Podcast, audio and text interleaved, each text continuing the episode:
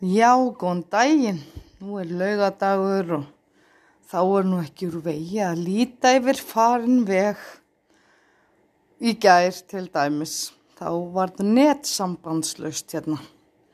Það verið að gera við eitthvað hjá gagnaveitunni og ég fekk þá snildar hugmynd hjá einni vinkonu minni að leggjast upp í rúm með bók.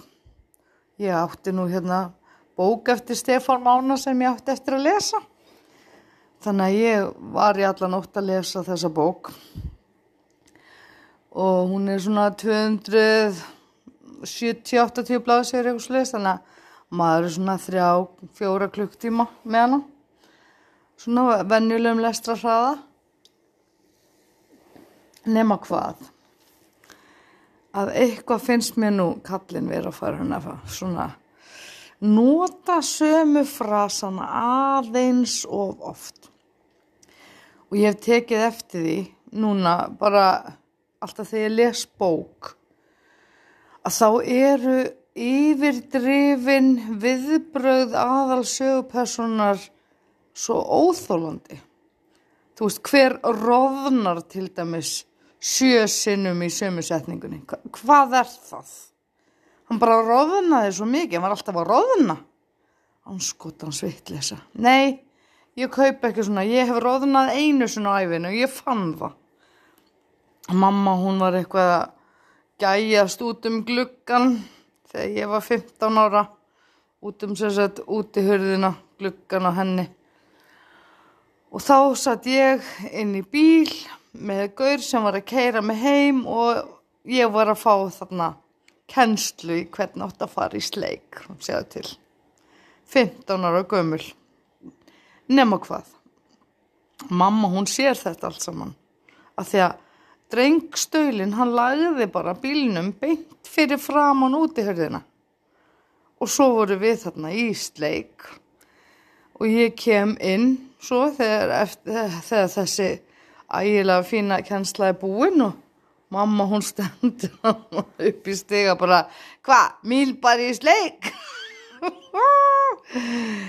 ég fann hvernig ég roðnaði ofan í tær, ég bara fann það. Og ég bara ljósna um mig? Eitthvað svona, þú veist.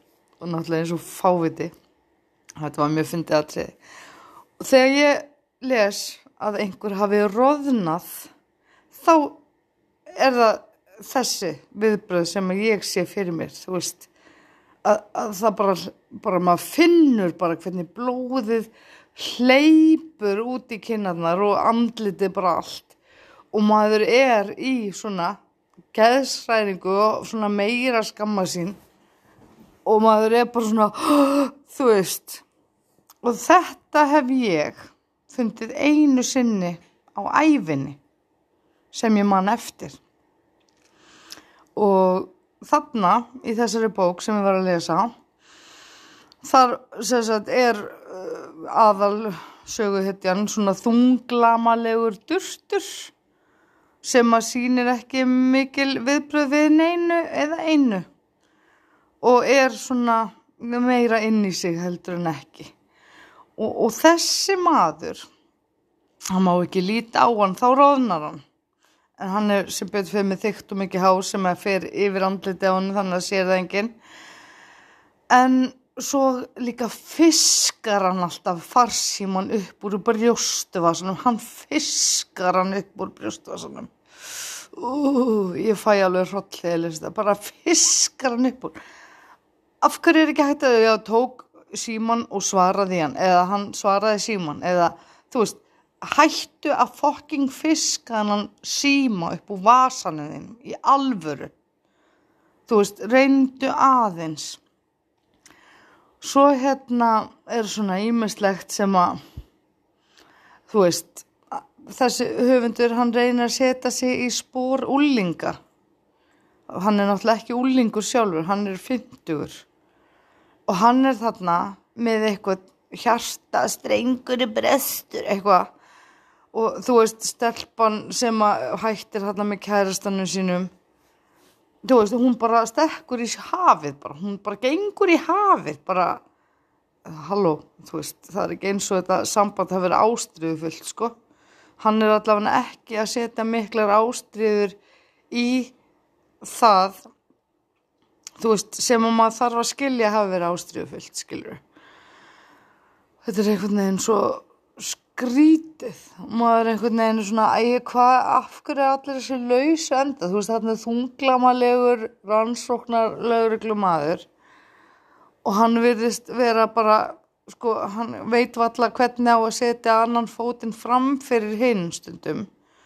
Og hann á þarna konu sem elskar hann. Og hann segist elskar hann tilbaka, hann sér hana kannski einu sinni viku. Og forðast hann eins og heitan eldin og svo er hann alltaf komin upp í rúm til einhverjar samstarfskonu sinnar sem er gjör ólík þessari eiginkonans eða kærustu.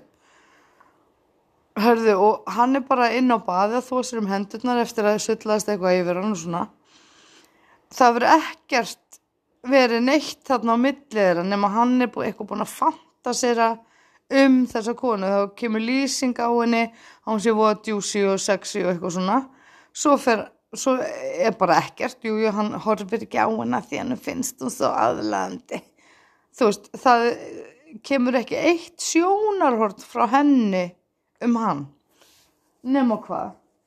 Þarna eru sko marga söguhetjur í þessari bók sem að maður fær að lesa hugsanir þeirra. En ekki, ekki hún ekki þessi kona sem að er allt í einu staðin upp bara í einhverjum næfur þunnum silkislopp þú veist, ný komin inn full klætt séð til einhverjum skítum joggingala. Hann fyrir hún á bað, kemur út af baðun eftir að þvegja sér um hendurnar og þá er hún bara fyrir framann baðhurðina í næfur þunnum slopp. Uh, nei, þú veist, dísas, í alvörunni. Jújú, og svo leggjast þau bara þarna upp í rúm og stunda bara mög þarna. Herðu, og svo þykist hún ekki þekkjan, bara það sem eftir er bókarinnar, bara 300 blaðsjöður af eh, einhverjum ignorum frá henni fyrir utan þess að þrjár setningar sem að tók að lýsa þeirra samlífi. Bara give me some more juice, Stefan. Ha, ha, þú veist, jú, ég veit að þetta er ekki ísfólkið en come on.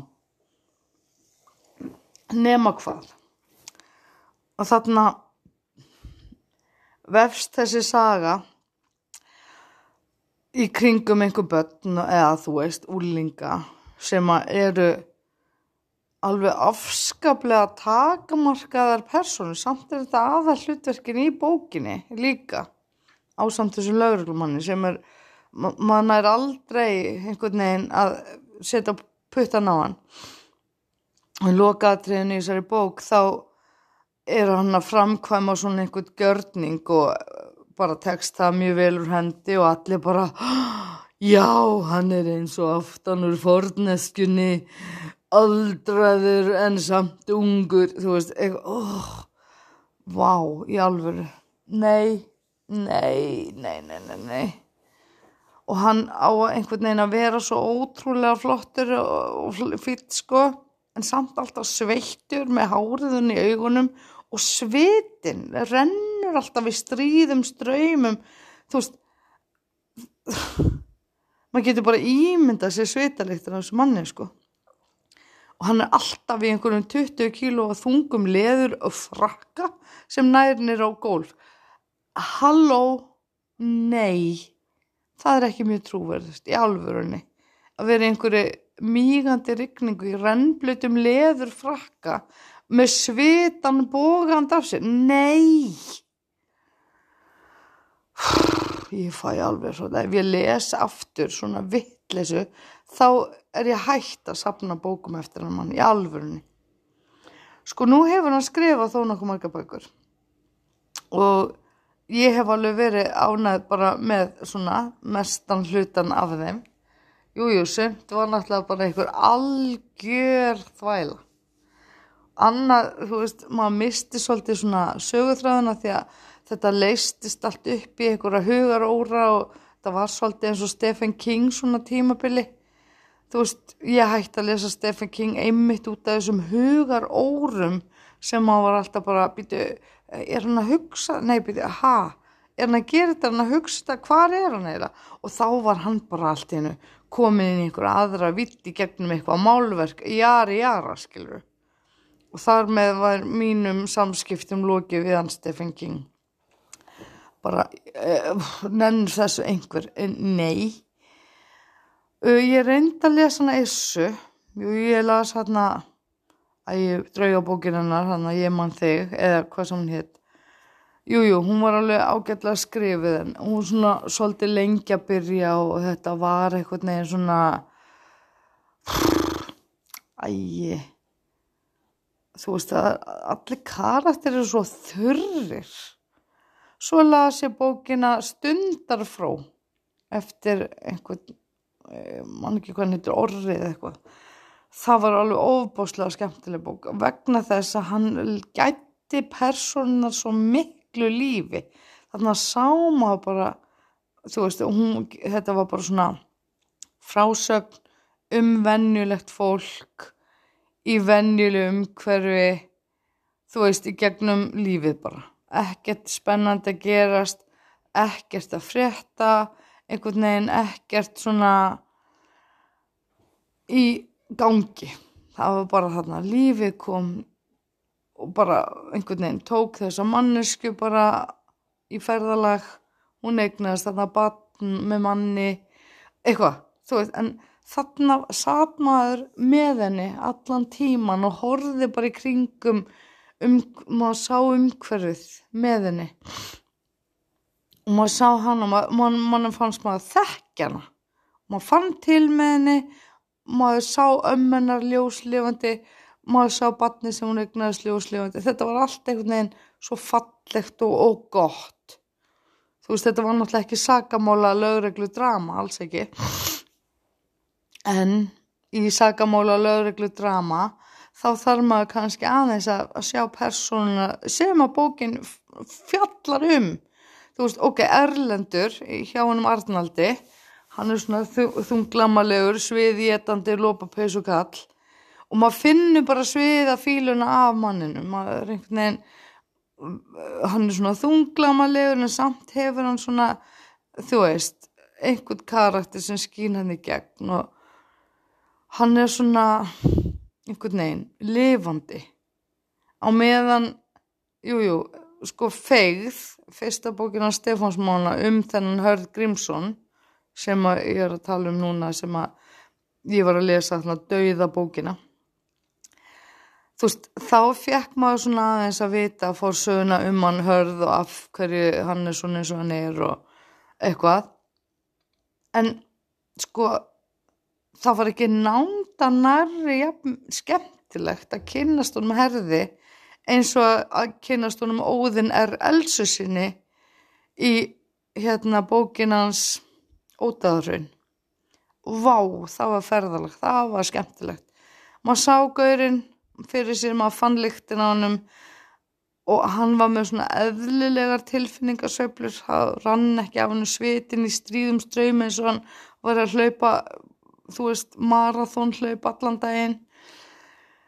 Hann einhvern veginn var svona yktur karakter og hann var ofbeldismæður og hann var þú veist svona gaur sem að maður hafði gaman að var svona óþokki og leiðinda yllmenni sem að var samt, maður hafði samú með. Svo hafa komið svona karakterar sem að maður hefur enga samú með og maður langar bara ekkert til þess að vita meira hvort að hann hafi dáið að lifa, skilur við. Það var bara ekkert að frétta. Einhverju svona rólulegir, ógeðslegir kalla sem að maður, maður býður bara eftir að ég farði nú að drepast, gerði það.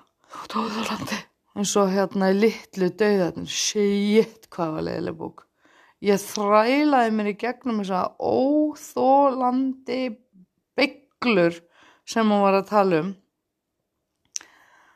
Og hérna maður einhvern veginn bara svona ægir hvenar er þessi hörmung búin? Þú veist bara það er alveg ótrúlegur munur á bókunum hans. Ótrúlegur munur. En nú er ég bara leikmaður, núna kann ég ekkert um bókmyndir eða bókmyndasköpun eða þú veist, ég hef ekkert skrifað en ráðinum að bara einhverja pisla sem að hafa verið yfirleitt bara svona, fengið fjögulæk eða eitthvað.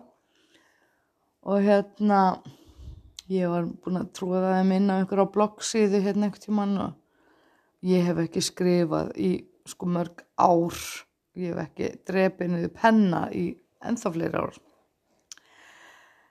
En það er samt einhvern veginn bara ég sakna þess ekki neitt. Það er ekkert sem ég liggur á hjarta þannig til að skrifa. Áður fekk ég bara ég mér var alveg mál að skrifa og ég þurfti oft bara einhvern veginn bara herði já ég væri að muna hvað ég ætla að skrifa hérna. Og einmitt þegar ég fór hérna á skapandi skrifnámskeið þá uh, talaði hann um það að við ættum alltaf að vera með svona minnisbók. Minnisbók á, á okkur bara litla, stóra, whatever, blað, penna til að ripa niður þannig að við gætum svona haft hugmyndirna einhverstaðar á blaði og svo setna meir þegar þær varu tilbúinar að þróskast þá væri gaman að taka þetta saman og bara já, býtu nei, herru, grísja úr. Þetta er rusl, þetta er ekki rusl. Ég ætla að fara með þetta lengra.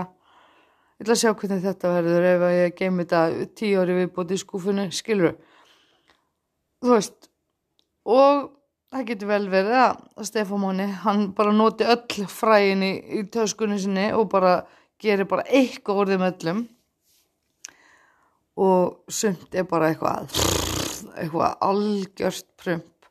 Á meðan annað er bara eitthvað sem að gjörsamlega gleymi sér yfir. En það sem gerði mig að aðdáenda Stefáns Mána til að byrja með það var bókin Ódæðurinn Vá, hún var svo flott. Hún var bara geggið og Óðinn er alls kom við sögu aftur í hérna skipinu. Að vísa skipið eldri en ódæðurinn en ég las það í þeirri rauð fyrst ódæðurinn svo skipið. Og Óðinar Elsusson er svolítið minn karakter, mér finnst hann æði. Hann er svona fullskapaðastur af þeim karakterum sem ég hef lesið þarna. Hinnir eru bara einhvern veginn svona jújú, jú, þeir eru rosalega ákveðnir í útliti og þeir eru rosalega flottir og fínir og risavaksnir eða rauðhærðir eða með græn auð eitthvað svona rosa afgerandi við þá. En svo er þeir bara eitthvað að tauga hrúur bara svitnaði og svitin rannu niður í augun. Hvenar hefur svitin runnið niður í augun á þér? Ha? aldrei, nei, aldrei. Jú kannski rættinni mögulega þegar þú ert búin að vera sko, en þú ert ekkert sitjandi í bílnum þínum í rigningu og svitin rennur hún í augun á þau sko. Nei, nei, nei, nei, nei, nei, alls ekki. Og, og hjartað ætlar ekki út úr bringuna þau þegar einhver, þegar þú nærlóksist að fiska síman upp úr vasanum og konan þinn ringir í þig. Þa, þá er hjartað á þér ekki á leiðinu út úr brjóstkassanum sko þetta er svona minni mig á þegar ég var að lesa hérna hérna vampýrudrama hérna Breaking Dawn. Fyrir mig góður. Eða, eða hérna Fifty Shades of fucking Grey. Shit hvað var leiðilegt. Ég þrælaði mér í gegnum fyrstu búkina af því að allir voru að lesa hana. Ég bara já já. Vá, wow, buksunar hanga svo getnaðlega á mjög mónum ánum, ég alveg í sjöndaskipti á einni blaðsíðu svo las ég 50 hana Shades Greyer eða hvað sem þetta heiti More Shades eða eitthvað. Nummið tvö. Og hún var ennþá leðileg hún var alveg fáránlega leðileg og hérna sama saga var með hann að vampyrubókina New Moon og Old Moon og Breaking Dawn og eitthvað svona byll en sko ok, myndirna voru skári heldur en bækurnar. Bara alveg skal viðkjöna það svo las ég hérna Hermiskaði og hanna Hunger Games hanna bækurnar. Jú, það voru fínar. Ég las Harry Potter allar, það voru ágættar rosalega langar og langdregnar og mikil, mikið af personum sem að maður þurfti að geta vitum. Og svo náttúrulega er maður búin að já, lesa náttúrulega allar í solksbækurnar þær eru bara svona þægilegur skamtur 200, 250 blaðsir eitthvað svo les, maður er bara 2-3 tíma að lesa þetta. Og þetta einhvern veginn er svona bara pari við bara ástasögurnar þannig að kiljurnar. Þetta er bara svona þægilegt aflestrar þannig er bara svona formúla. Jújú jú, það stiðist við einhverja jújú, jú, sko Ísvolk er öðru sig að það stiðist við atbyrði í sögunni. Og jújú jú, það er svona dágóður skamtur af, af ást og tilhugalífi og svona hemdum þú veist þarna fær vondikallin það sem hann á skilin með skrautlegum lýsingum og göldrum og eitthvað svona sem að maður alveg bara yes, hann átti, hann fekk loks hann dó, þú veist, eitthvað svona. Og meðan ástasögurna fjalla bara um rauð, svona rauðharða konu með ógísla stinn, brjóst og mann með stál grá augu og svart hár, það er alltaf, það er bara svolítið. Þetta er formúlan, þau eru bæði ótrúlega góðu formi, alltaf klætti í köplóta skýrtu og kúrekastigvel eða eitthvað að búa einhverjum svona ranch, hugsa um einhver dýr og það er eitthvað batnarna sem að annarkvort er að þarf að ætla eða það lendir í eitthvað svona réttarkerfinu eða eitthvað. Og það er alltaf eitthvað svona batn sem að þú veist flækist þannig inn í söguna. Þetta fólk það þólir ekki hvort annað til að byrja með það er bara þannig. Rauðharða konan og stál grá eigði maðurinn. Þau, þú veist, elda svona grátt silfur. Svo gerist eitthvað eitt daginn fyrir konuna og hann á þarna leið framhjá og bjargar lífinar sjálfsögðu. Hann fer með hana heim til sín og, og hjúgrar henni. Þú veist, þarna í tvo daga eitthvað meðan hún er að ná sér upp úr, þú veist, óráðinu eða minnisleysinu eða hvað sem hrjáur hana. Og, og hann er alltaf að glenna sjálfan sér svona framann í hana þegar það kemur út úr styrtunni með hanglaði lauslega vafið og svo bara æ, já, þú ert þarna. Ég var búin að gleyma því. Og hún eitthvað bara, ah, hvaða gríski gvið er þetta, ó þetta er bara dreymaprinsum hann með ólífi svona uh, eitthvað brúna húð, ó já. Þú veist, allar hugsanir eru svona uh, upphott í bókinni skilur, maður heyrir, maður getur lesið hvað hún hugsar, maður getur lesið hvað hann hugsar svo segja þau ekkert við hvort það er bara svona vandraleg þögn og Jújú, jú, sjárstað berstum í brjóstinu og hún roðnar og veit ekki hvað neðri verðin titraði. Þú veist, allt þetta, maður bara svona uh, færa alveg svona hróll, en samt les maður áfram. Já, já, maður lesi þetta allt saman. Já, já, já. En núna er bara einhvern veginn, minn áhugi, minn áhugi var á því að skrifa hérna bók einu sinni. Og ég var byrjuð á þessu og eitthvað. En svo hefur þetta hálf karaða handrit mitt bara dagað uppi og ég hef engan áhuga á því að klára vegna þess að sorpið sem maður er búin að lesa all, allstaðar jújú, það er ekkert allt sorp, alls ekki. En það er einhvern veginn allt á netinu, það er allt í einhverju hlaðvörpum það er allt einhver staðar aðgengilegt það eru tímaritt með pislum í, það eru bloggsýður með alls konar videobloggum og svona. Þannig að það er í rauninni ekkert pláss lengur fyrir það sem að mig langaði einu sin til að segja og áhugin er sagt að segja ekki það mikill fyrir það að segja það.